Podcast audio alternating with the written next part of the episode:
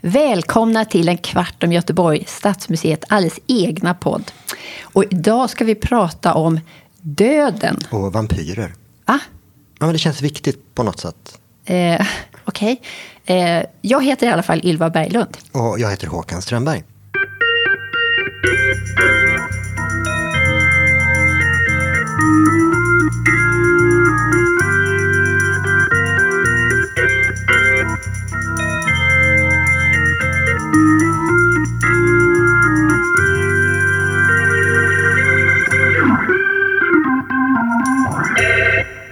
Alltså, döden. Det går ju faktiskt inte att prata om en stad utan att prata om döden. För jag tänker att det är en av de första frågorna du måste ställa om du skapar en ny plats att bo på. Var ska du göra av dina döda? Bring out your dead. Ja, men bring out vart då? Så fort Göteborg börjar skissas upp så måste det ges en plats för en kyrkogård någonstans. Jag menar, för folk kommer ju att dö och då Ja, då behövs det någonstans att lägga dem. Ja, så bland de första saker du måste göra det är att avsätta en yta för de döda. Och som i- generellt alltid blir för liten. Är det en slags regel? Ja, men nästan. Jag menar, du ska bygga en ny stad. Du hittar en bra plats. Du ska få till den här perfekta balansen utav gator, kvarter, torg, en hamnbassäng eller två, kanaler. Och så vill du ju inte slösa bort en för stor yta på en tom kyrkogård. Ja, men låter lite slösigt, det gör det. Mm, så då ritar man ju in en lite lagom kyrkogård. Och inom 50 år så är den hopplöst underdimensionerad. Såklart. Du vet var den första göteborgska kyrkogården låg? Det måste ju vara den vid domkyrkan. Nope. Nej. Det fanns en före. Jaha. Den låg vid Kvarnberget, ungefär där kronhuset ligger. Men vad gjorde den där? Jo, alltså på de äldsta bilderna av den här stan som skulle bli, då har man ritat in ett slott på Oterhällen och en kyrka högst uppe på Kvarnberget. Oj, kyrka med utsikt. och insikt. Alla som kom seglande skulle verkligen få liksom blicka upp på de här praktbyggnaderna. Eh, Men inga byggnader på topparna. Det var, det var ute helt enkelt. Ja. Enligt den nya stadsmodellen så skulle kyrkor ligga mitt i smeten. Men kyrkogården, den hamnade ändå som om kyrkan hade legat där uppe vid bergets fot. Och där låg den de första mm, 20 åren. Och så upptäcktes den igen 1979 när de skulle bygga där och då rasslade det upp ben. Uh, alltså en ganska temporär vila i frid kan man säga. Ja, men den som går på baksidan av Tyska kyrkan kan hitta en stentavla som berättar om det här. Lite spännande. Ja, om du säger så. Ja, men när någon begravs så finns det ju trots allt någon slags idé om att där ska de ju ligga länge. Eller, ja, till domedagen Ja, typ. precis. Domedagen. Men ibland hamnar en gammal kyrkogård i vägen. Benen grävs upp och sen verkar det vara ja, nästan lite lotteri vad som händer med dem. Du menar om de återbegravs eller? Blir museiföremål. Åh. Alltså jag tänker på Göteborgs föregångare, Nya Lödöse. Att när den grävdes ut på 1910-talet, då hittade de ju den gamla kyrkogården. Alla de här roliga föremålen samlas in, men benen återbegravdes. Ja, ja, men nu när det Mm. har gjort nya utgrävningar på 2010-talet, då ska ju alla skelett man samlas in och de ska hamna i, i våra magasin för framtida forskning.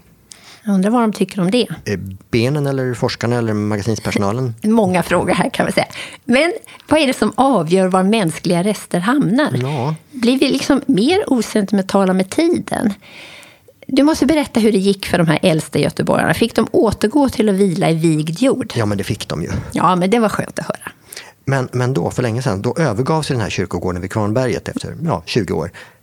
Var det då de började begrava vid domkyrkan? Ja, och det var, det var ju en som var rätt deppig över faktiskt. Vem då? Jaha, han hette Sylvester Frygius och var en superintendent i Göteborg. Superintendent.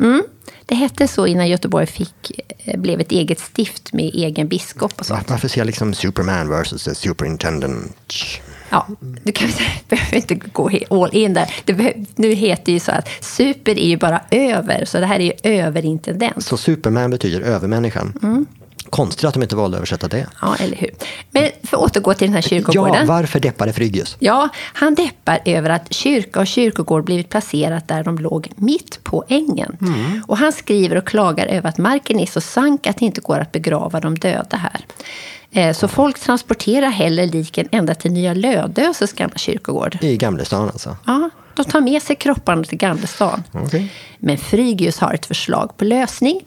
Och han ber om att få flytta den här kyrkan och kyrkogården till Ekskogen som då låg mellan Otterhällan och Kungshöjden. För där är det högt och torrt och fint. Alltså det är, där, ja, men det är där Kungsgatan går. Ja, precis. Något säger mig att han fick nej. Ja, han till och med fick ett kungligt nej. Kungligt nej. Mm. Lagd kyrka ligger. Så de fick ju bara försöka fylla upp marken så gott det gick och så var det bara ner med spaden och börja begrava. Ja, men det där är lite skumt. Det är ju inte en kyrkogård idag runt om kyrkan. Vart har, den, vart har kyrkogården tagit vägen? Ja, svaret är ju att den är ju kvar.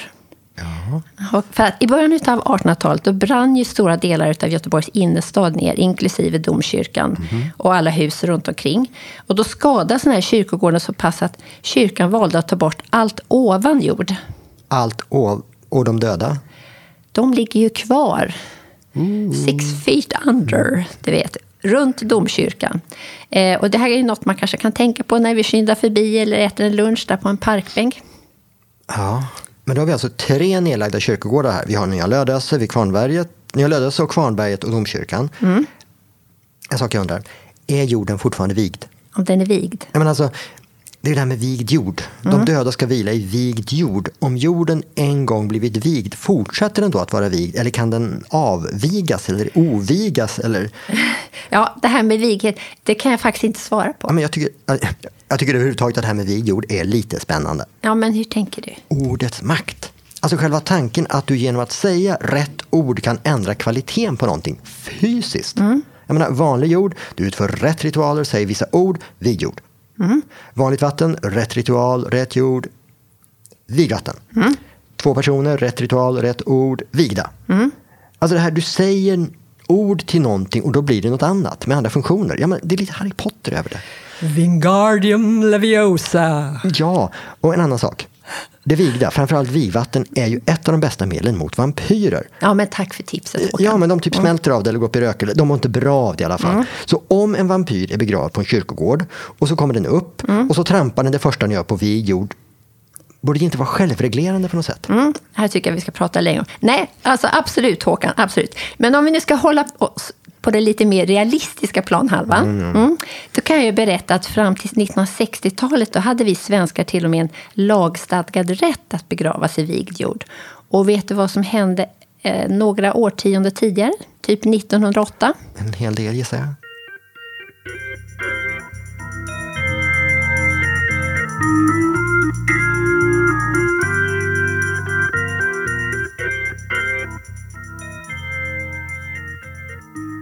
Absolut. Men då, först då, så upphör den här gamla traditionen att begrava vissa människor i ovigd jord. Oh, det där ja. Ja, för förr fick vissa inte begravas på själva kyrkogården utan utanför muren. Det kunde vara brottslingar och... Odöpta barn, eller hur? Ja, precis. Barn som var döda vid födseln eller barn som avlidit så snabbt att man varken hunnit döpa eller ens nöddöpa dem. Det där känns lite orättvist faktiskt. Men det där med folk som var begravda utav kyrkogården. Det hade i alla fall andra lite respekt för, för enligt folktron hade ju de här som var begravda utanför kyrkogården ovanligt lätt för att gå igen. Okej, är det mer vampyrer? Nej, nej, nej, nej, nej. Spöken och gastar. Okej. Ja, i de gamla svenska berättelserna är det ju inte så, de är inte så blodtörstiga de här, men de vill ju saker. Mm. Och nu, nu blir det alltså spökhistoria. Ja, eller nej. Eller ja, alltså, ett vanligt fenomen här på västkusten är ju att drunknade sjömän, de vill komma i vigd jord. Så de ligger liksom och väntar på någon levande som de kan hoppa på, klamra sig fast på och kräva att bli burna till kyrkogården. Du får alltså tänka att du är ute och går en mörk kväll längs med havet och så plötsligt så kom... Ja, någon- alltså okej, okej, okej, okej, jag fattar alltihop. Ja. Det här- det är ju inte konstigt kan man säga att folk har varit rädda för kyrkogården. Nej, men det har gjorts en del också för att de döda ska stanna där. Jag menar, att en död ska bäras ut med fötterna före är ju för att ehm, Ja, att den döde inte ska se huset och typ kanske vilja komma tillbaka. Precis, och det har sopats efter likvagnen för att den döde inte ska kunna följa spåren och nyckeln ska sitta i låset så att en nydöd inte kan slinka in genom nyckelhålet och vitlök. Nej, nu tror jag inte du är helt säker på kanske var vampyrer. Ja, precis. Okej. Men hur som helst, så måste kyrkogårdar ha varit lite läskigare förr. Det var inte allt värre för. Eh, inte allt kanske, men Om vi tänker oss just kyrkogårdarna idag så är det ju ganska prydliga historier. Det är grusgångar och gravstenar i raka rader. Men backar vi lite i tiden så var ju kyrkogården precis bara en plats där de döda grävs ner hipp om happ, huller och buller. Och ofta med bara ett sånt där träkors på som snart förmultnar. Eh, kyrkogården var ju som en öppen yta så den har ju använts för ja, allt möjligt. Marknad, dans, betesmark. Lite svårt att föreställa sig kanske, men vad hände? Jo, men under 1700-talet då ökar befolkningen i Sverige och inte minst i städerna. Och kyrkogårdarna räcker liksom inte till. Det blir bara mer och mer kaosartat. Nya gr- kroppar grävs ner innan de gamla hunnit förmultna. Och det stinker ju, verkligen stinker om de här gamla kyrkogårdarna. Och så var det lite mä- människoben, så här lite random överallt. Eh, Så på vissa håll så uppfördes så kallade benhus. Det har du säkert hört. Ja. Ett sånt finns ju kvar på Nya Varvets kyrkogård i Göteborg. Och där kunde man samla ihop de här spridda benen.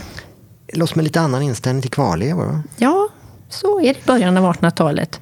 Men då införs ju också nya regler av, eh, för kyrkogårdar. De behöver inte längre ligga vid en kyrka och de skulle få lite struktur. Och det är då vi börjar få kyrkogårdar som ser ut som de gör idag, som Stampens kyrkogård. Tänk på döden. Ja, det kan du göra. Och så småningom östra och västra kyrkogården. Så kyrkogårdarna blir ju parker där folk kan finpromenera och eh, ja, vi kan motionera. I- Och framförallt i de här stadsdelarna där det saknas parker, där blir ju de dödas vilorum, att de får flera funktioner. Och finns det en publik? Så. Jo, men något som verkligen blommar upp från mitten av 1800-talet det är de här pampiga gravmonumenten. Graven, särskilt familjegraven, det här blir ju ett sätt att visa upp status. Ja. Men jag tänker att det här med raka rader och sånt, det är ju bara, det är bara ett sätt att ta tag i det där dödskaoset. Ja, Eh, och nu tänker du på... Jag tänker på kremering. Ja, men precis som du sa, de här kyrkogårdarna var ju överfulla, de stank, det låg folk döda av smittsamma sjukdomar, nedpillade lite hur som helst. Så tanken var inte så långt borta. Tänk om vi skulle ta och bränna liken istället. Mm, så det här är liksom en hygienåtgärd. Ja, men i början är det ju det. Det var inte minst läkare och jag menar, överhuvudtaget det var förmögna samhällsreformatörer som gick i spetsen. Den första svensk som kremerades var en disponent som brändes 1887. Förutom John Hall då. John Hall. Ja, men det här är ju Gunnebo slotts byggherre. Han var ju en av Sveriges rikaste män. Och hans kropp låg i en kista i Göteborgs domkyrka i december 1802 i väntan på begravning. Vad var det då som... eh, Precis, det är då domkyrkan brinner. Alltså det, det räknas väl inte riktigt som en kremering? Okej, men pampigare kremering är ju svårt att Ja, jo, jo, föreställa jo. sig. Men det här 1887, det är faktiskt ganska tidigt. Ja, men det är ungefär samtidigt i hela nordvästeuropa som det kommer. Mm, trendigt. Ja, jag menar, och då blir det liksom man startar förening. Alltså, lägg det här ordet på tungan. Svenska likbränningsföreningen. Ah, eller så låter jag bli. Men alltså, var det hårda diskussioner om det här? Ja, alltså kyrkan tyckte inte om det. Katolska kyrkan förbjöd kremering och det gällde fram till 60-talet. Och Svenska kyrkan var också emot, så år 1888 så slog då Sveriges högsta domstol fast att kremering var lagligt. Samma år säger ett kyrkomöte att mm, kanske det, men det är en dum idé. Men det hjälpte ju inte, för Göteborg fick ju sitt första krematorium typ 1890. Och eftersom vi svenskar av tradition går all in. Gör vi? Är inte vi landet lagom? Alltså nej. Religion, du ser det här, ateism blir okej så bang, vi är topp tre eller så i världen som inte bryr oss. Rökning farligt, bang, vi är det land som man röker minst i. Eh, mobiltelefoner kommer, bang, 98 procent av befolkningen har en mobiltelefon. Bananer är kul, bang, flest bananer i världen. Kaffe, Ja, Okej, okej, jag fattar. Och nu är vi värst slash bäst på kremering. Mm, Ja, efter Japan tror jag. Det är Alltså mer än 80 procent av svenskarna som kremeras. Och Sveriges största krematorium ligger faktiskt i Göteborg, i Kvibergs kyrkogård. Men Ja. vampyrer, Men... om en som dör, som har om vi ser alla förutsättningar för att bli vampyr Ja. och den Ja, kremeras. Ja. Och då menar du att det kommer som ett litet blodtörstigt rökmoln flygande. Ja, jag vet inte riktigt. Alltså, Håkan, jag tror inte vi kommer få veta det heller. Jag säger så här till alla ni som har lyssnat. Tack för idag. Och ta det försiktigt där ute efter mörkrets inbrott.